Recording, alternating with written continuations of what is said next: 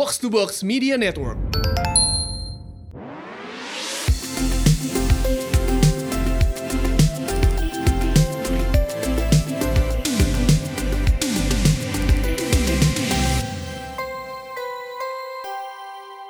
Hello ladies, welcome back to She Talks About Podcast bareng gue Mandy. Dan gue Elrika. Hari ini kita kedatangan seorang inspirator yang sangat inspiring, uh, seorang ibu dari satu orang anak, seorang wanita karir juga dan aktivis dan penulis. Aduh, pokoknya Banyak ya. Banyak banget. Kita mau belajar banyak, mau sharing-sharing dari seorang Alanda Kariza. Hai. Welcome. Terima Of kasih sudah diajak ke sini hari ini. Nah sedikit perkenalan nih El, Alanda sekarang aktif sebagai coba gue nyontek sedikit gak apa dong? Gak apa-apa. Behavior Scientist at Advis Lab juga punya restoran bukan restoran lah apa ya F&B business ya Berito dan seorang ibu dari satu orang anak laki-laki berusia tiga setengah tahun. Iya, betul. Kan gak hafal? Hafal. Oke oke. How are you Alanda? Uh, good good. Uh, considering everything, maksudnya kayak kita masih di tengah pandemi, tapi mudah-mudahan semakin baik ya kelihatannya. Mudah-mudahan ya. Gitu. Jadi should be getting better every day. Amin, amin, Amin buat amin. kita semua loh. Oke, eh, mungkin eh, aku kemarin sempat baca-baca juga Alanda dengan segudang prestasi ya, segudang track record yang kayaknya amazing. Maksudnya kayak wow bisa ya sebanyak ini gitu. Jadi eh, selain sebagai penulis, Alanda itu kan tadi juga dikenal sebagai eh, apa Aktivis. aktivis dan juga em, behavior behavioral scientist. Itu apa sih sebenarnya behavioral scientist itu boleh nggak sih? Um, jadi sih kalau behavioral science sebenarnya aku mulai belajar tahun 2016. Pada dasarnya sih behavioral science itu kurang lebih adalah apa ya perkawinan antara ilmu ekonomi sama psikologi gitu. Jadi uh, yang dipelajarin tuh sebenarnya gimana manusia mengambil keputusan sama gimana manusia berperilaku sih. Makanya kan behavioral science gitu. Jadi aplikasinya sih macam-macam sebenarnya mungkin ke marketing, ke kebijakan publik, ke sales atau teknologi juga bisa gitu. Intinya berusaha untuk lebih mengerti sebenarnya apa sih yang bikin manusia tuh mengambil keputusan kayak gitu atau berperilaku kayak gitu gitu. Termasuk untuk kehidupan sehari-hari juga sih kayak cara cara mulai habit yang baru cara Mencari eh, jodoh. Oh bisa masuk nggak itu? Kategori. Kategori behavior juga sih. Behavior juga sih. Jadi kurang lebih sih kayak gitu gitu. Jadi mungkin kita bikin riset sama consulting juga ke beberapa klien nih yang memang pengen nyoba untuk ngubah perilaku beneficiariesnya mereka atau customer mereka gitu Hmm, oke oke. Tapi berarti basicnya itu adalah si eh, psikologi itu ekonomi tadi. sama psikologi Oh, ya. ekonomi and Hmm, jadi psychology. mesti belajar dua-duanya Oh, oke. Di situ, Kemarin gitu. gue sok ngide gitu main, ih gila menarik banget ya apa gue belajar ya? Oh ternyata panjang kayaknya ya pelajarannya ya. nggak bisa mudah. Itu bisa ya. pernikahan antara ekonomi ya kan dan psikologi. Bener. Iya. Tapi ada kelas-kelasnya kalau di Eh, I- kita sih di eh, di Advice Lab yang yang aku lagi bikin itu kita memang bikin karena karena belajarnya susah dan jauh jadi akhirnya kita coba bikin kayak kelas-kelas online gitu buat Hmm. eh, audiens buat belajar. Misalnya kayak kayak gitu kayak Elrika pengen tahu nih gimana sih gue bisa apply behavioral science ke bisnis gue gitu. Atau bikin orang kayak datang ke tempat eh, usaha gue misalnya gitu itu bisa ikut kelasnya yang Advice Lab bikin gitu. Kayak ada introduction to behavioral science terus ada kayak eh, behavioral science and law misalnya kalau misalnya ada yang bergerak di bidang hukum misalnya jadi macam-macam sih kita coba untuk bikin itu seaksesibel mungkin gitu. Mungkin ya kayak Mandy juga gimana. Mandy bikin ilmu yang mungkin tadinya kayak susah banget tapi jadi semua semua orang sambil kerja bisa ikut kelasnya kayak gitu gitu. Jadi kita coba untuk bikin sama sih mungkin misinya ya supaya ilmu-ilmu ini tuh bisa lebih aksesibel ke lebih banyak orang gitu. Ya ya. ya. Berarti Menarik banget. setiap hari tuh banyak melakukan research ya sekarang ya. Eh, nggak seberat itu kok tapi Oh, cuman ya cuman lumayan lah maksudnya eh, ya tapi seru juga sih sebenarnya gitu karena kan soal perilaku manusia tuh ya aneh-aneh kan Benar kadang. benar. Setiap orang unik iya. kan. iya betul Nah. jadi ya ada ada riset-risetnya juga sih kadang sehari-hari Yang aku penasaran ya Alanda, kan maksudnya kamu kan sebagai penulis udah dari muda ya kalau Iya. aku baca. Terus kamu juga eh, pernah membi- apa buat conference ya betul Indonesia Youth Conference. Conference. Jadi dulu zamannya gue masih muda lah ya waktu itu. Gue tahu banget nih conference yang dibuat Alanda ini. Oh, oke. gitu. Dan itu conference besar ya waktu lumayan itu. Lumayan kalau nggak salah diadakan masanya. di daerah Tamrin situ kan ya? Iya, di, HI ya Tamrin. kan UOB Ah, ya? Ada, ah, ah. iya kita pindah-pindah sih beberapa tiap tahun sebenarnya pindah-pindah. Cuman kalau nggak salah di Tamrin tuh salah, salah satu yang kayak berulang kali di sana gitu. Jadi mungkin banyak yang Aktif di sekali ya sejak muda. yes. Nah yang Mumpung, mumpung, mumpung. kan. tapi yang gue penasaran adalah apa sih yang membentuk Alanda apakah didikan orang tua Oh. atau your environment sampai Ya. kamu tuh bisa menjadi se- seorang wanita yang maksudnya terus berkarya gitu. Oh, Apa yang menginspirasi kamu? mungkin kalau didik kalau digali lebih jauh sekarang sih mungkin sekarang perspektifnya beda kali ya gitu karena kan mungkin sekarang kita jadi kenal soal inner child soal kayak trauma di hidup lo bikin lo jadi kayak apa gitu cuma mungkin kalau dari dulu aku selalu ngerasanya kayak salah satu motivasinya adalah eh, dengan segala kesulitan yang dialami misalnya zaman dulu ya adalah aku selalu pengen bikin eh, orang tua tuh bangga gitu. Jadi dan itu tuh ter terrefleksikan di kehidupan sehari-hari gitu. Maksudnya kayak di pertama mungkin di sekolah kan awalnya gitu. Jadi kalau misalnya di sekolah nggak berhasil ya nyari nyari di luar apa ya yang bisa gue bikin supaya itu tuh bisa bisa tercapai gitu. Tapi ya mungkin dalam prosesnya yang awalnya kayak gitu akhirnya ya jadi jadi tahu oh ternyata gue sukanya ini loh gitu. Misalnya ya dan timing juga sih kadang-kadang gitu. Kayak misalnya soal nulis gitu kan orang suka nanya kayak lo bisa tahu sih lo uh, suka nulis? gitu? Cuman itu kenapa timing karena dulu dulu pas kita dulu muda itu kan uh, film AADC tuh happening banget kan Iya, Bener, gitu. bener, bener. Dan di film Ada Pandangan Cinta itu yang keren tuh si geng mading ini gitu Hmm. yang mereka bikin mading terus kayak nulis puisi gitu dan itu tuh kayak oh ternyata kamu. zaman itu tuh wah kalau gue bisa nulis tuh keren banget kali ya gitu karena mungkin kita ngeliat popular culture- culture-nya kayak gitu gitu. Jadi maksudnya kadang-kadang tuh kita kayak oh mungkin ada kayak alasan yang gede banget di belakang sesuatu tapi sebenarnya kadang-kadang tuh hal-hal kecil yang kita ke expose waktu kecil atau waktu Hmm. lagi remaja tuh bisa bisa bikin kita jadi oh gue ternyata sukanya ini loh gitu padahal sebelumnya kan kita cuman kayak ikut-ikutan aja atau nyoba-nyoba aja gitu sih paling gitu. Apa yang kita tonton juga berpengaruh ya. iya betul faktor eksternal ya Lo kalau kan? nonton ADC maunya apa? Nyanyinya. Niko oh, oh ya ampun eh, aku nggak mau ngomong kalau Ana terinspirasi dengan kalau kalau ya, kita tapi bisa jadi iya sih Kamu jadi cintanya. apa Kamu mau jadi cintanya. Iya tapi mungkin itu Iya. dia ya faktor eksternal culture juga ya kan yang Iya. mempengaruhin. Tapi uh, apart from it ada ini gak sih kayak mungkin training khusus dari orang tua atau apa gitu buat Alana biar sih bisa. Eh, justru eh, mungkin ya ini ada hubungannya nanti sama sa- kayak being being a career person atau career woman gitu justru ibuku tuh kerja gitu jadi dan aku dulu eh, sempat jadi anak tunggal 11 tahun lah gitu. Jadi kayak ya karena dulu kan nggak ada lah ya WFH atau FA dan lain-lain gitu. Jadi ibuku kerja dari pagi sampai sore gitu. Jadi aku harus mencari kegiatan yang membuat sibuk dan kayak ya ya gue suka gitu. Jadi eh, kegiatannya dulu yaitu misalnya ya nulis atau kayak ya macam-macam sih. Yang nulis kan cuman yang kelihatan di publik aja ya gitu. Cuman maksudnya mungkin justru karena nggak ada aktivitas dan nggak ada temen di rumah dan nggak ada ibu di rumah ya jadi nyari kayak gue bisa ngapain ya sambil nunggu nyokap gue pulang gitu berangkat dari kebosanan jadinya bosan ya tapi ujungnya bagus Iya, karena iya, dia iya. exploring kan Iya, iya. sebenarnya itu. Makanya gue pernah baca ya katanya kalau misalnya kayak anak-anak tuh bagus juga dibiarkan Bosan. sedikit bosan, betul. Supaya kreativitasnya Iya bener sih malah meningkat Iya. daripada di entertain tidak terus. overstimulan ya. Bilangnya gitu kalau gue baca. Iya, Iya, iya, iya, kurang iya. lebih sih Ternyata waktu itu lebih psikolog. kayak gitu psikolog, psikolog. Banyak kita lagi interview kita dibaca. mungkin aku tertarik banget sih sebenarnya dengan uh, ilmu kali ya dari yang tadi uh, kita bahas uh, apa tadi behavior Behavioral science, ha. Nah itu kan ada namanya uh, kemarin gue sempat baca gitu di Instagramnya Avis Lab. Jadi ada namanya ilmu ekonomi perilaku. Iya. Itu tuh um, apakah uh, secara garis besar Mm-mm.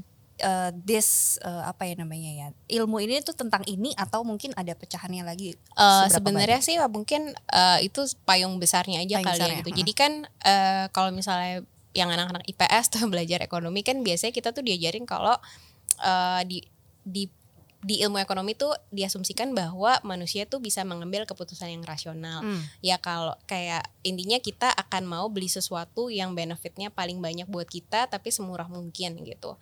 Se- tapi pada pada implementasinya kita sendiri tahu dong gitu. Misalnya kita beli shampoo kan ya ya gue biasanya pakai itu bodo amat yang lain lebih murah dan lebih bagus. Tapi ya gue udah terbiasanya itu gitu misalnya. Itu yang dipelajarin sih gitu gimana kita ngambil keputusan ternyata tuh nggak serasional rasional itu amat gitu. Kadang-kadang tuh ada ada hal-hal yang tidak rasional tapi eh, sebenarnya ya mem- memang manusia ngambil keputusannya patternnya seperti itu gitu. Salah satu yang dipelajarin juga sebenarnya kayak kalau di ilmu ekonomi itu kan asumsinya juga manusia tuh uh, hanya melakukan hal yang benefit diri mereka sendiri gitu apa self self serving behavior gitu. Nah pada da- pada faktanya kita kan suka nolong orang lain suka donasi. Itu tuh nggak bisa dijelaskan sama ilmu ekonomi biasa gitu tapi sama si ekonomi perilaku ini bisa dijelaskan bahwa ya manusia ternyata punya kayak altruism di dalam diri mereka. Misal terlepas dari lo religius apa enggak ternyata lo tetap mau nolongin orang lain dan lo nggak mikirin diri lo sendiri doang gitu. Misalnya itu sih yang yang Pelajari. dipelajarin di macam-macam sebenarnya gitu. Cuman sebagian yang dipelajarin tuh itu gitu. Gimana kita uh, kadang-kadang uh, dan apa ya salah satu contoh lainnya yang sering dijadikan contoh tuh uh, cognitive overload gitu. Jadi kayak tadi kan sempat bilang kan kayak oh mungkin kalau ini apa namanya kayak gue sah gue udah sore ngomong jadi lebih susah karena kayak gue udah seharian ribet gitu. Dan manusia tuh nggak bisa ngambil keputusan yang optimal ketika mereka udah ngambil Overwhelmed. begitu banyak keputusan sebelumnya gitu makanya kan kita suka dengar cerita Benar banget itu. apa Mark Zuckerberg atau kayak Overwhelm Steve ya. Jobs bajunya itu doang Oh, karena karena itu kan iya. dan itu dia ngurangin satu decision di hidupnya dia kayak gue nggak nggak harus mikir gue mau pakai baju apa Good point. Eh karena bener banget loh. Iya kan? Iya, iya, iya. itu itu contoh yang dieksplor di ilmu ekonomi perilaku ini juga sih gitu bahwa manusia tuh kadang suka nggak benar ngambil keputusannya karena udah capek karena ada noise ada ada, ada gangguan dari sana sini gitu. Jadi gimana kita bisa make sure bahwa kita kalau emang kita mau manusia beli barang kita atau produk kita gimana kita bisa mempresentasikan itu dengan mudah supaya mereka gampang mau ngambil itu gitu Kurang Very lebih kan? luar biasa. kepanjangan Nah, tapi cuma mudah-mudahan tapi nggak apa-apa itu itu kita belajar baru Iya, loh, benar, hal iya, baru. benar. Cuman aku penasaran gini, ini kan karena kita kan podcast khusus perempuan, Pe- perempuan. Tuh kan sore soalnya, udah capek. Iya, iya, iya. Cuman ilmu Iya. ekonomi perilaku perbedaan Iya. antara laki-laki dan perempuan tuh bedanya apa tuh Alanda? Khusus perempuan deh. iya, iya. Biasa tuh gimana Oke, sih? eh, sebenarnya yang salah satu yang yang sering di di apa ya? Sering muncul tuh soal resiko sih gitu. Hmm. Eh, kenapa kayak ada studinya sebenarnya kayak kenapa violence tuh eh, pelakunya yang laki-laki tuh jauh lebih banyak daripada perempuan misalnya. Itu soalnya eh risk taking behaviornya beda gitu. Jadi Hmm. kalau kalau laki-laki tuh jauh lebih risky. Maksudnya lebih berani ngambil resiko. resiko. Dan laki-laki tuh juga overconfident sama kemampuan mereka sendiri. Oh gitu. Makanya kita sering lihat kayak entrepreneur banyak laki-laki juga kan. Karena kan kalau entrepreneurship kadang lo harus kayak bacot dulu kan. Kayak ini pokoknya bisnis gue tuh sehebat ini gitu. Jadi eh, dan bahkan kayak nyari kerja juga kadang-kadang tuh eh, ada studinya kalau perempuan tuh cuman apply di kerjaan yang mereka checklist semua. Kayak misalnya requirementnya ada lima. Oh. Kalau lima limanya gue checklist, gue berani. apply. Tapi kalau cowok tiga checklist aja mereka submit CV karena kayak Udah ya pede. siapa tahu gue dapet juga gitu. Jadi yang sering muncul tuh soal risk taking behavior sama overconfidence gitu. Makanya sekarang mungkin kalau buat perempuan gimana caranya kita bisa lebih ya lebih con- confidence-nya harus lebih naik lagi supaya bisa bisa di level yang sama. Karena kadang-kadang kan kayak buat investment, buat entrepreneurship ya si overconfidence tuh kadang-kadang bukan overconfidence sih, at least lo harus confidence dulu lah, nggak jangan sampai over, cuman jangan kurang gitu. Kalau risk taking behavior ya juga kayak eh, makanya mungkin kalau soal parenting kan suka dibilang kan kayak biasanya kalau sama bapaknya anak-anak suka lebih sering diajak main dan Bener. nyoba hal baru karena ibunya kayak eh jangan jangan jangan Iya, kayak, iya, iya, iya. jangan deh nanti nanti jatuh, Jatuh, gimana ntar ini, gimana. ntar itu. Iya gitu, tapi itu makanya berarti ada ada hal baiknya juga sih sebenarnya kalau laki-laki cenderung lebih berani yang beresiko sementara kalau perempuan mungkin lebih ngejaga dan lebih lebih protektif kali ya. Itu karena secara studinya ya gitu. Nggak Ya. ini juga nggak over generalizing bisa aja ada cewek yang lebih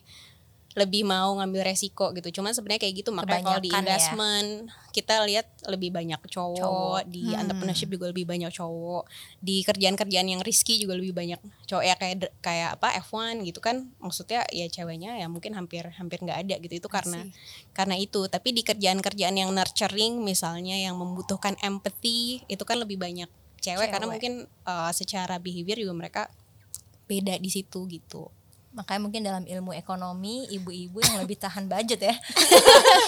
Iya lebih ya memikirkan ya nggak Eh, nggak mau resiko ya.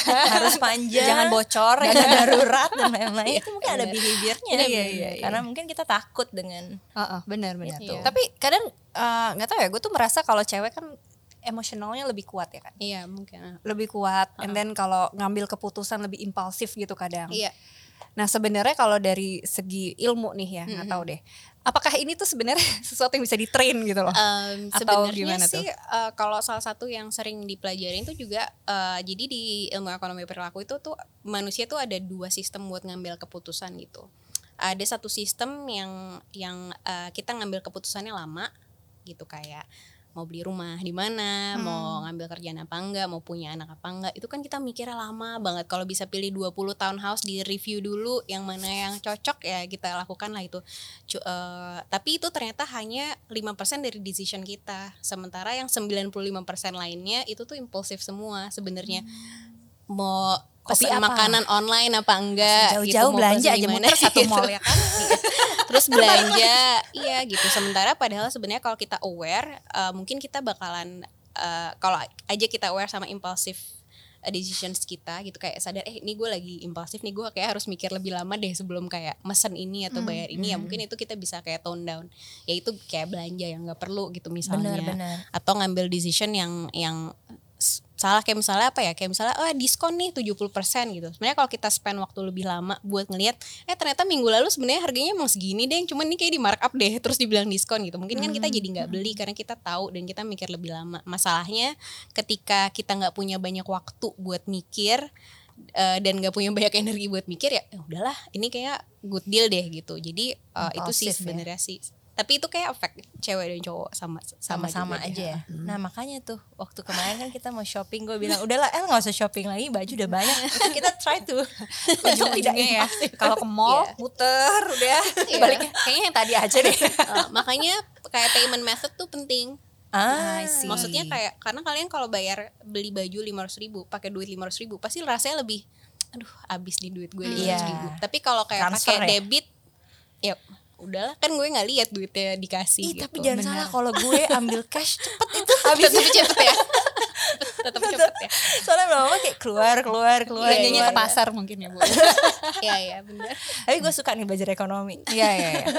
menyenangkan sih. Ya, ya ilmu baru banget sih. ya mm -hmm. ke kehidupan sehari-hari. Tapi kamu sendiri mengaplikasikan nggak sebenarnya? Hmm, ya mungkin lebih lebih sa, lebih mencoba lebih sadar aja sih kali ya gitu. Maksudnya karena pernah belajar itu jadi mungkin lebih sadar kayak salah satu yang dipelajari juga misalnya eh, apa namanya kalau misalnya kita ngasih tahu orang-orang soal habit yang mau kita lakuin, biasanya tuh kita lebih ngejaga hal itu gitu. Misalnya kita bilang gue sebulan sebulan ke depan gue mau diet. Oh. Kalau satu geng tahu, lo malu kan kalau misalnya lo ternyata gak berhasil gitu. Dan itu tuh kayak satu cara buat mulai habit baru. Misalnya itu kayak kasih tahu orang lain hmm. soal habit yang mau lo mulai itu atau uh, ya punya sesuatu yang buat ngejaga. Misalnya kayak tandain di kalender tiap kali gue berhasil hari ini diet gue gue cross uh, tanggal di hari itu gitu. Karena uh, untuk ngingetin kayak I, I I only have a few days to go gitu. Kayak gitu sih. Itu mungkin yang bisa diaplikasikan kali yang kecil-kecil. Kalau belanja ya susah lah kadang. Iya sih. Tergantung. Ya mendingan jangan pergi kayak kata Mandy tadi. Benar. iya iya iya. Soalnya kan sekarang kan gue lihat juga ada ini kan Alanda. Maksudnya orang udah mulai kayak mindful kayak nggak usah perlu punya banyak baju minimalism gitu ya. yes. Yeah. itu kan juga sebenarnya ya memang kita cukup kok gitu kan. Iya. Tapi impulsif tadi. Ya, ya. memang ada harus ada remnya. Untuk iya. Menggerakkan ekonomi iya, bener sih. Penting main ya main lebih mindful aja kali ya. Karena kan kalau kita mindful kita mikirnya lebih lama kayak inget-inget dulu gue gue di rumah udah punya belum ya? Yeah. gitu. Itu kan kadang yang bikin bad decision itu karena kita buru-buru gitu, yes. atau kayak cepat-cepat hmm. dan itu tadi udah burn out energi hmm. udah habis biasanya ya. jadinya kalau ibu-ibu kan isi kepalanya kayak ini sekolah anak bener eh bener banget loh. gue hmm. udah kadang kan kayak eh suami gue makan gak ya? Kalau misalnya gue nggak gue kirimin iya, iya, gitu bener, atau nggak gue bekelin. Bener. Nah bener, itu kemarin gue bahas sama si El tuh. Kita kayak kalau cewek-cewek sekarang udah punya anak segala macam ya kan? Hmm. liburan aja kan HP nggak berhenti kan? Ntar di rumah pesan gojek bener, air bener. habis kompartemennya banyak gitu iya benar jadi besok paginya mau pilih baju aja tuh kayak udah capek iya sih tapi maksudnya tuh kayak keputusan maksudnya belajar untuk mengambil keputusan ini menurut gue tuh penting banget sih buat cewek karena ya itu tadi banyak banget isinya dan yeah. you know tasknya tuh banyak banget yeah. gitu. Kayak aku tertarik ya mau ambil kelas habis ini. oh, iya, okay. belajar lagi menjadi belajar langsung. Oke oke. Nah sekarang kita mau masuk ke sesi curhat. curhat. Kalau podcast tapi kan biasanya emang gitu ya. Iya sih ujungnya langsung ditodong ya curhatnya. Cuma nih biasanya kan kita curhat bertiga ya. Maksudnya kan kalau misalnya di zoom tapi ini rame-rame tapi nggak apa-apa lah ya. Nah jadi ini ada. Nih pertanyaannya nih kan kamu wanita karir. Sekarang menjalankan nggak yeah. cuman berkarir punya bisnis juga. Yeah. Jadi ibu juga. Yeah. Jadi istri juga. Banyak ya. Banyak banget. Happy nggak nih? itu pertanyaannya Eh, Masih waras kan? mungkin eh, sekarang eh, udah jauh lebih tentram kali ya karena Hmm. mungkin kayak anak udah umur tiga setengah tahun jadi udah punya tiga setengah tahun tuh buat kayak work around arrangement kayak apa sih yang yang paling enak gitu Iya. mungkin ya gitu jadi eh, lebih lebih oke lah dan minggu lalu kebetulan baru, baru last day dari full time job jadi Oh, kayak gitu. eh, itu big Oke. decision juga sih karena kan kayak karena udah terbiasa kayak punya full time job gitu. Jadi itu big leap gitu. Walaupun sebenarnya banyak yang dikerjain tapi selama ini kan selalu ada si full time job ini gitu. Cuman mungkin emang itu decision yang harus diambil. Ya kayak tadi soal kompartemen di kepala tadi kan gitu. Kayak Hmm. mesti kalau lo udah punya punya anak udah punya suami punya bisnis bisnisnya juga nggak cuma satu terus ada kerjaan full time lagi kan jangan-jangan yang lainnya jadi tidak optimal karena terlalu banyak yang dipikirin gitu Hmm. ya itu berusaha mengaplikasikan yang tadi kita bahas sih gitu Hmm. gimana mungkin kalau kita narrow down untuk membuat decision yang harus diambil jadi lebih sedikit siapa tahu kualitas decision yang diambil juga jadi jadi lebih bagus juga lalu hasilnya gitu. belum tahu ya baru seminggu oh iya baru seminggu Iya. kalau udah sebulan cuman datanya udah cuman cukup lebih banyak ya lebih chill sih gitu maksudnya kan dulu tuh kalau ada waktu kosong dikit kayak kayak gue harus kerja deh kayak gue harus buka Hmm. laptop gitu sekarang at least tidur lebih oke lah tidur Ah, tid- lebih tenang lebih gitu, atau- lebih lama. lebih lama. Eh tapi tapi ya gue baca di Instagram lo tuh caption Iya. beberapa itu ada satu kata yang terulang lack of sleep. Iya benar benar. Benar ya?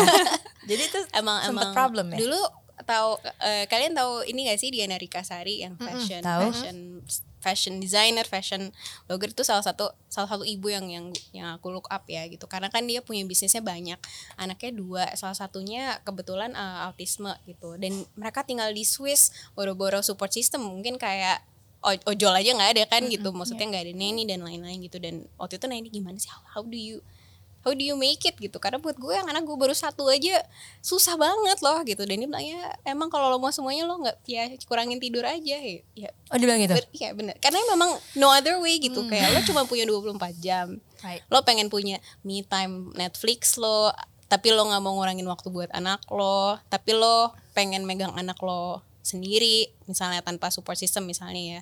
Karena kan eh, dia sama kayak gue emang emang kita pengennya begini bukan karena kepaksa atau karena nggak mau gitu. lah ya. cuman emang pilihan kan ya. Cuman ya itu you have to choose gitu. Either lo punya cukup tidur tapi misalnya lo punya support system yang lebih gimana atau anak lo nggak sama lo selama beberapa jam pas lo kerja atau ya kalau lo mau semuanya ya tidur lo emang harus dikurangi. Emang berapa jam sih sister? Boleh Tapi- sharing kan sekarang udah mending lah udah oke lah. Gitu. dulu dulu dulu dulu. Dulu masih ya masih lima jam lima jam masih masih lah ya. masih. Nggak sampai kayak tiga jam gitu emang lah. lo tidur berapa jam? Gue? Heeh. gue kalau hitung-hitung tujuh lah ya. Tujuh ya. Nggak, gue emang gak orang yang gak bisa begadang. Oh, kan lo tahu kan? Kamu Tapi bukan wanita malam lah ya. Hah?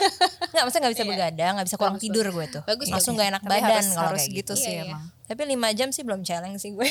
Oh belum ya? Asal kayaknya gue kayaknya kalau beberapa hari udah mulai itu Udah mulai- berkurang iya, iya. Udah mulai migran tapi kan makin tua kita makin tahu ya kalau kurang tidur kayak aduh berasa banget ya. Iya sangat kayak sangat sangat. berasa lah ada Benar, benar. Iya gitu. sih. jadi sekarang at least tidurnya lebih oke lah. Nah kalau tidur lebih oke biasanya mempengaruhi mood sih. Iya benar. Gak tau ya benar. somehow I believe that sih. Betul betul. Tidur tuh penting penting penting penting. Dan mempengaruhi kualitas kita bekerja juga gak sih? Iya bener banget sih kualitas bekerja terus kayak relationship juga kan. Betul. maksudnya kayak kalau lo bangun-bangun kurang tidur lo ketemu suami lo udah kayak ini kali kayak bad nggak nggak battlefield juga sih cuman lo lebih irritated kan dibanding ketika lo kayak makanya kalau liburan kan kita mungkin kayak nggak berantem atau apa karena kan kayak tidur lebih lama misalnya nggak harus nggak harus beres-beres tempat tidur misalnya kan Iya, at least iya. kalau kita nginep di hotel kan ya ada yang beresin tempat tidurnya minimal. Gak kayak dikejar-kejar agenda gitu Iya, ya. betul. Ih benar banget sih. Tapi nih Alanda ini gak pakai neni loh. Iya itu kan satu decision Nah, yang itu luar biasa ya. Jadi That's kita why. Hmm. kalau misalnya ngobrol sama inspirator gitu kan, ya kita kan pokoknya di sini tidak menjudge. Mau Iya. pakai ini boleh, nggak pakai Iya, ini pilihan boleh. harus soalnya. gitu lah kalau Iya. ibu karena pilihan Benar, Benar, tapi benar. jujur kalau kita ngelihat wanita karir yang nggak pakai neni, aku sih salut sekali. iya Salut, salut, salut. saya salut. juga amazed ya iya.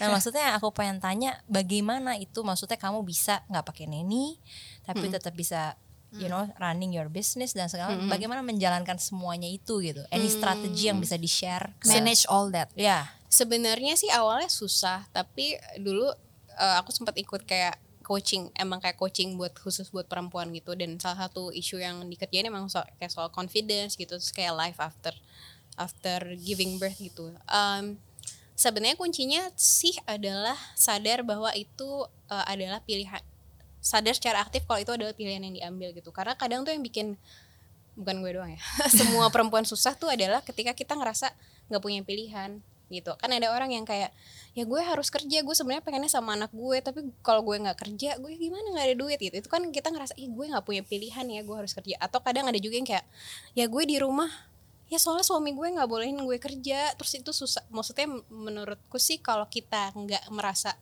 punya pilihan itu tuh jauh lebih susah jalaninnya gitu. Jadi waktu itu coachnya tuh ketika susah untuk dijalanin coachnya ngingetin kayak tapi kan lo yang mau ngurus anak sendiri dan nggak pakai neni gitu. Dan ketika aku inget itu jalan ini jauh lebih gampang karena eh iya ya emang emang gue yang mau gitu. Jadi kalau misalnya ini susah ya karena gue maunya begitu gitu. Dan dan dan itu pilihan gue sendiri gitu. Kayak nobody force me to uh, dan itu juga bukan karena alasan ekonomi karena ya nggak ada duitnya buat neni atau apa gitu. Emang emang milih aja gitu. Dan pas sadar bahwa itu pilihan ya jadinya menjalaninya jadi sedikit lebih mudah gitu. Tapi ya tetap aja harus ada support system lah. Minimal suami yang dititipin kadang-kadang kayak sekarang. Terus kayak hmm.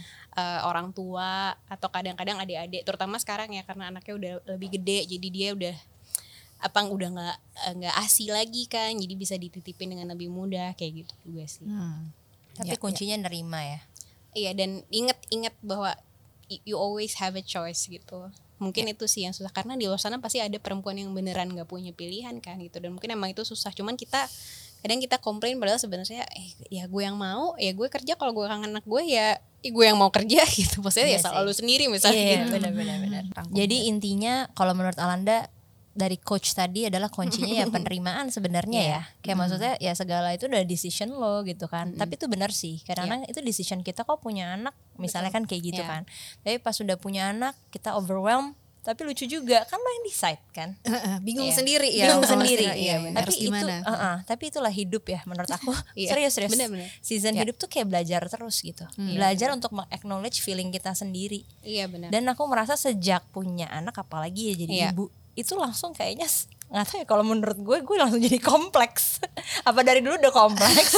Belum keluar aja ya? Belum keluar. ini. Ditambah gitu, booster ya. kompleks ya. Jadi ya. kayak ya karena mungkin hidup bukan cuma tentang kita lagi kali ya. Iya betul. Emang emang ini sih emang jadi apa ya uh, ya kita nggak tahu itu kan. Masalahnya adalah kita sebelum punya anak tuh nggak tahu nggak tahu itu dan nggak ada yang ngomong soal itu ke kita kan bahwa kayak your life will be so much different itu kadang kan yes. kan orang kayak mikir ah, nanti kalau udah nikah kayak hidup lo berubah. Padahal ternyata kok kalau menurutku sih bukan pas nikah ya. Pas punya, pas punya anak, anak ya. Kalau pas nikah kayak oh iya iya kayak ya kayak pacaran tapi kayak udah sah gitu rumah ya. terus kayak legally kita gitu. harus sign bareng gitu. Yeah, Coba yeah, kalau yeah. pas udah punya anak tuh itu it's a whole different game sih. Bener banget. Hmm. Itu yang pernah kita bahas juga. Yeah. Berarti kemarin untuk keputusan um, stop being uh, full time di kerjaan hmm. itu salah satu faktor terbesarnya uh, karena anak. Uh, mungkin bukan karena anak sih ya, tapi lebih lebih ke sanity gitu kali ya, gitu. Hmm. Karena maksudnya kalau kita juggle semua, kadang tuh um, apa ya? Mungkin dulu sebelum ini aku tuh ngambil keputusan tuh banyak yang bergantung pada kayak uang atau benefit sama bisa apa enggak. Kayak kalau gue bisa dan gue bakal dapet duit, maybe I should do it gitu. Hmm. Padahal ternyata sebenarnya nggak sesimpel itu gitu. Kadang kadang mungkin waktu yang yang lo punya mungkin worthnya nggak segitu gitu. Dan sebenarnya kan kalau kita let go satu kerjaan atau satu aktivitas atau satu bisnis kita kayak bikin opportunity buat ngerjain hal lain. Dan itu nggak cuman ngurus anak aja ya bisa bisa macam-macam gitu ya. Kayak misalnya kan aku bilang tadi kan ya gue udah terakhir nulis tahun 2017 gitu misalnya. Tapi ya gue emang kerja di full time 2018 gitu. Jadi siapa tahu kalau gue udah nggak kerja full time di kantor lagi maybe Ada I can write another book lagi. gitu. Ya, mungkin ya, ya. lebih kayak gitu sih. Jadi bukan bukan karena anak tapi lebih kepada uh, untuk memberi ruang buat hal baru atau bikin hal-hal yang lain jadi lebih optimal lagi termasuk mungkin di antaranya uh, ngurus anak juga ya gitu misalnya karena kan mungkin kadang kita lagi nggak yang nggak pakai neni ya gue ya aku sama dia tapi kepalanya mikir yang lain kan gitu. Yeah. Jadi itu kan nggak nggak optimal juga dong itu. Sementara mungkin ada orang di luar sana yang mungkin 9 to 5 nggak di rumah tapi pas sama anaknya dia cuma mikirin anaknya aja gitu. Jadi itu sih kayaknya hmm. uh, tantangannya. But let's see, let's see how it goes okay. ya. Aku belajar banyak sih. Langsung tantangan mikir semua ya kan. Ya. dan dan bukan ibu-ibu aja ya. Pasti ya. bapak-bapak juga punya punya dilema-dilemanya sendiri gitu. Dan mungkin sama mereka ya buat mereka bahkan lebih susah mungkin. Karena kan mereka mungkin lebih di expect sama society untuk harus kayak provide buat keluarga. Kalau kerja tuh ya di kantor di luar dan lain-lain. Kalau lihat kayak bapak-bapak apa sih work from home atau apa kan mungkin stigmanya beda sama kalau ibu-ibu yang work from home misalnya gitu kan gitu. Jadi pasti semua orang tua ada tantangannya juga sih pasti. Walaupun ya always feel kalau jadi ibu tuh emang susah banget. Dan biologically emang emang begitu gitu. Jadi nggak nggak nggak nggak nggak bisa ditawar kali ya. Hmm. emang gitu. And maybe it's a matter of uh, ini juga ya priority juga ya. Iya betul. Maunya apa? Hmm. gitu. Itu tapi sebenarnya itu untuk memetakan itu tuh agak susah ya kalau kita hmm. BM ya orangnya. Kamu ya. Emang ya priority ya priority sih ya, ya, ya milih karena hmm. kalau kita dari dulu tuh udah sering aktif gitu ya aku selalu bilang sama El misalnya dari dulu sebelum menikah kan udah aktif iya. bekerja yeah. emang hmm. seneng iya. berkarya yeah. bekerja gitu pasti berasa banget sih hmm. kayak setelah yeah. udah uh, merit yeah. tadi Alanda bilang kalau merit baru berdua doang sih nggak ada perubahan ya yeah. masih belum hmm. terlalu berasa ya nggak berasa sih oh, kalau oh, berasa juga ya, ya kan iya. masih oke okay lah kerja sampai malam tapi pas sudah punya anak ya everything change gitu loh iya dan kadang kan mungkin kita ngerasa kayak kok kita sama-sama kerja tapi kok kayaknya responsibility-nya buat tetap mikirin rumah misalnya lebih hmm. banyak kita di bukan mikirin rumah sih mikirin anak ya spesifik ya gitu uh, tapi mungkin bukan karena pasangan kita tapi lebih karena kayak society-nya gitu misalnya kita daftar kelas anak-anak aja pasti kan kayak iya mam satu kayak iya bu nggak pernah ya kalau suami gue yang lagi chat gimana ya gitu kan iya benar-benar iya kan gitu maksudnya itu ya. karena society expect-nya kayak Lalu gitu. moms ya. Iya benar juga. sih ya. Nyewa atau, anak atau pasti beli, moms iya gitu. pasti uh, pasti ibu-ibu yang maksudnya point of ininya pasti ibunya dulu. Padahal mungkin arrangement kita nggak kayak gitu misalnya ya. Iya. Gitu. Tapi ya itulah, itulah. jadi ibu itu tanggung jawabnya besar ya kan. Betul.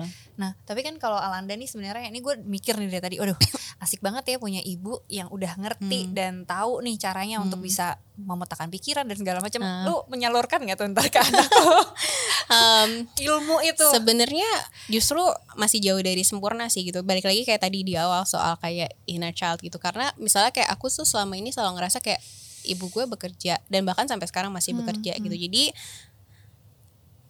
aku tuh nggak pernah tahu ibu yang ibu rumah tangga dan ngurus anak gitu. Karena buat buat aku kayak oh ya nyokap gue kerja. Dan gue nggak apa kayak gue nggak apa-apa tuh ternyata nyokap gue kerja sampai malam gue tumbuh.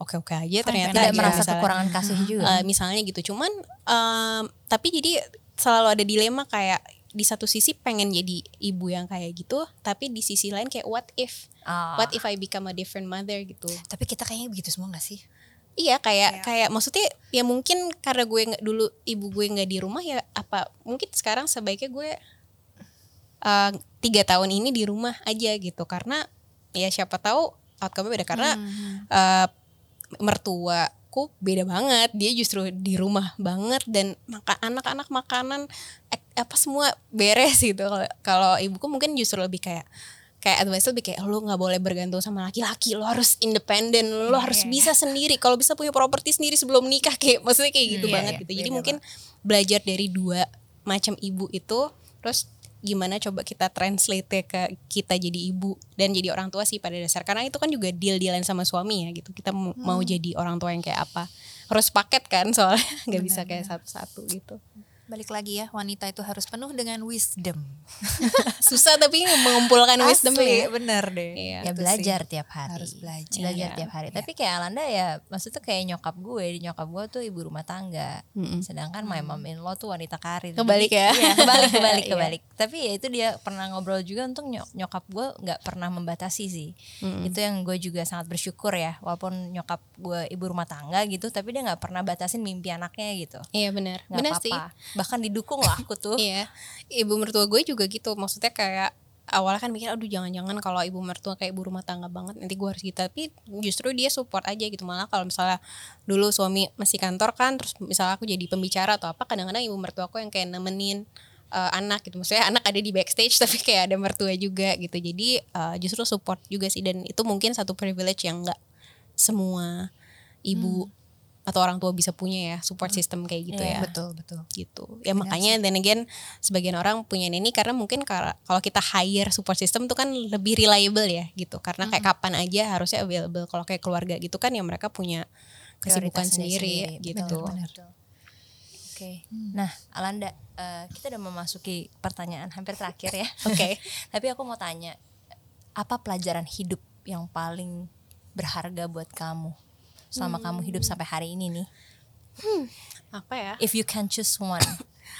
uh, kayaknya susah banget, tapi mungkin yang mungkin nyontek dari orang aja ya. Tapi salah satu pelajaran hidup yang aku pegang banget adalah itu dari speechnya Steve Jobs yang terkenal banget yang dia bilang kalau lo tuh nggak bisa ngelihat jalan lo ke mana kalau lo lihat dari sekarang ke depan gitu. Mungkin lo nggak tahu kenapa lo dikasih kesusahan kayak gini. But you always you can always uh, connect the dots looking backward kan dia selalu bilang gitu gitu. Jadi mungkin kayak segala kalau kita ngalamin kesulitan hidup tuh kayak kenapa ya gue mesti ngalamin ini? Atau kayak kenapa sih mesti gue yang dapat kayak musibah atau kesusahan ini gitu. Cuman ternyata pas kita udah lewatin kayak oh ternyata gue tuh dulu kena itu supaya gue bisa belok ke sini loh gitu ya. Hal-hal kecil aja sih kayak misalnya pengen kuliah di mana terus nggak keterima. Tapi ternyata hmm. sekarang kita ngeliat eh untung gue nggak terima dia yang itu ya. Kalau kalau keterima mungkin gue jadi orang yang sangat berbeda gitu misalnya ya gitu. Jadi kayak dan kayaknya itu benar banget deh. Dan ya benar tadi Mandy bilang gitu emang hidup tuh masalah hilang satu ya emang besokannya ada lagi. Another season ya. Another Tapi berarti season. bersyukur selama masih ada masalah berarti kita masih hidup gitu ya. ya, emang kita harus lihat positifnya aja ya sis ya Susah sih ya. tapi memang cuman ya, ya sekarang proses belajar. Untungnya resource segala macam itu udah lebih terbuka ya maksudnya ya hmm. untuk mental health ya, untuk kayak Uh, apa kayak dulu mana ada sih ibu-ibu tahu tau ya cuma ah baby blues gitu udah gitu doang kan zaman dulu kali atau ah lu aja kali terlalu sensitif abis yeah. ngelahirin gitu Lembut, ya, tapi bener -bener. kan sekarang udah kayak oh ternyata ada kok ada baby blues, ada postpartum uh, depression, depression misalnya ada dan resource-nya udah banyak gitu. Jadi mungkin kita sebagai ibu juga jalan hidup mudah-mudahan lebih zen, jadi nggak marah-marah ke anak hmm. lagi ya. Amin. Kalau dulu yes. mungkin kan susah, jadi kayak mungkin orang tua zaman dulu juga lebih apa ya tantangannya lebih besar lagi kali ya. Hmm. Jadi ibu yang bahagia lah ya intinya ya. Tentram, tentram ya, damai. ya, ya, ya. Bahagia tuh kan kayak kadang tuh jauh gimana ya kayak susah gitu. Cuman peaceful minimal ya. peaceful lah minimal mudah-mudahan Well, iya sih. Tadi aku dapat uh, beberapa message juga yang kira-kira kayaknya uh, penting juga buat kita uh, hmm. sebagai perempuan tuh punya gitu kayak hmm. kamu tadi kan bilang kayak harus ada confidence gitu kan. hmm. kan. Terus mindful juga, aware yeah. apa yang kita uh, apa make decision tuh kita bikin apa hmm. gitu. Jadi hmm. uh, jadi wanita harus um, apa istilahnya ya?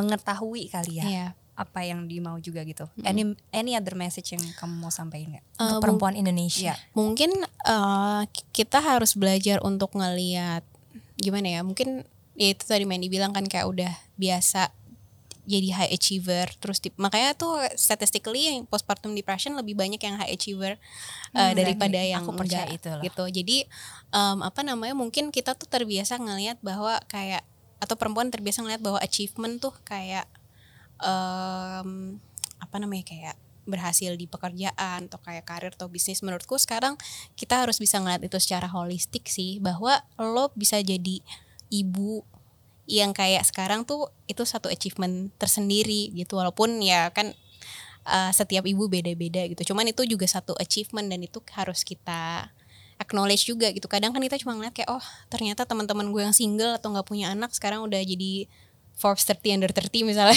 atau kayak dapat award apa gitu. Tapi ya ya beda gitu karena mereka punya hidup yang kayak gitu dan kita punya hidup yang kayak gini gitu. Dan kadang kita lupa untuk acknowledge sisi yang ya itu sisi yang tiap hari mandiin anak tapi nggak teriak-teriak itu achievement loh. Buat kayak iya, iya, mandi iya, iya.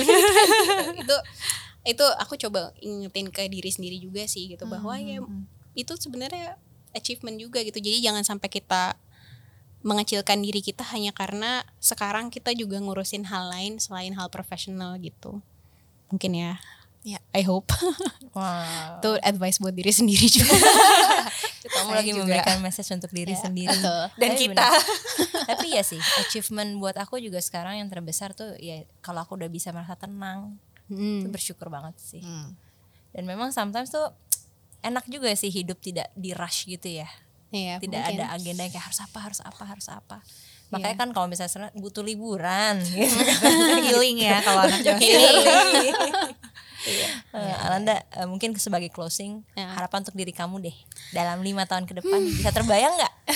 terbayang nggak? Aduh lima tahun tuh kayaknya dulu berasa cepet ya kayak oh pokoknya gue lima tahun gue mau jadi ini ini, ini. sekarang hmm. kayak hmm uh, harapannya uh, pengen bisa uh, selalu pengen sebenarnya sih nomor satu selalu pengen bisa jadi ibu yang baik lah ya. Itu itu somehow jadi number one priority lah gitu. Cuman mungkin berusaha untuk jadi ibu yang baik versi versi kita sendiri itu bukan versi orang lain gitu. Mungkin itu yang agak susah hmm. buat dicoba ya gitu. Karena kan kita selalu kayak at least kita ngelihat aduh suami gue mikir apa ya kalau gue kayak gini atau kayak nyokap gue gimana ya kalau ngeliat gue hmm. ngurus anaknya kayak gini gitu. Jadi mungkin jadi ibu yang baik versi diri sendiri sama ya mungkin untuk tetap bisa ngelakuin um, apa ya ngelakuin yang emang suka dilakuin sih sebenarnya gitu. Karena satu pelajaran yang aku lihat dari ngelihat ibuku bekerja tuh kayak oh women are capable of doing everything gitu. Dan aku pengennya walaupun aku cowok dia juga bisa ngelihat itu dan mungkin nanti one day ketika dia punya keluarga sendiri dia juga bisa respect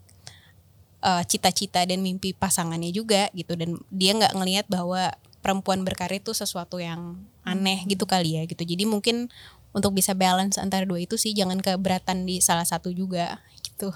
Mungkin kalau terlalu berat nanti jadi nggak nggak balance dan nggak tentram hidup kita. Iya, iya iya. That's a good one actually Thank you so yeah. much Alanda for Thank your you. time. Thank you so ya much. udah diajak ke She Talks About. kita senang banget loh. Semoga, semoga obrolan kita bisa jadi berkat bagi banyak orang yang dengar. Amin. Ya, banyak Amin. terinspirasi. Hmm. Ya kan, sehat secara mental. Amin. Saya tapi gue sendiri gini. Amin. Dan terus berkarya. Amin. Sukses ya Alanda. Amin. Terima kasih banyak ya El dan Amendi.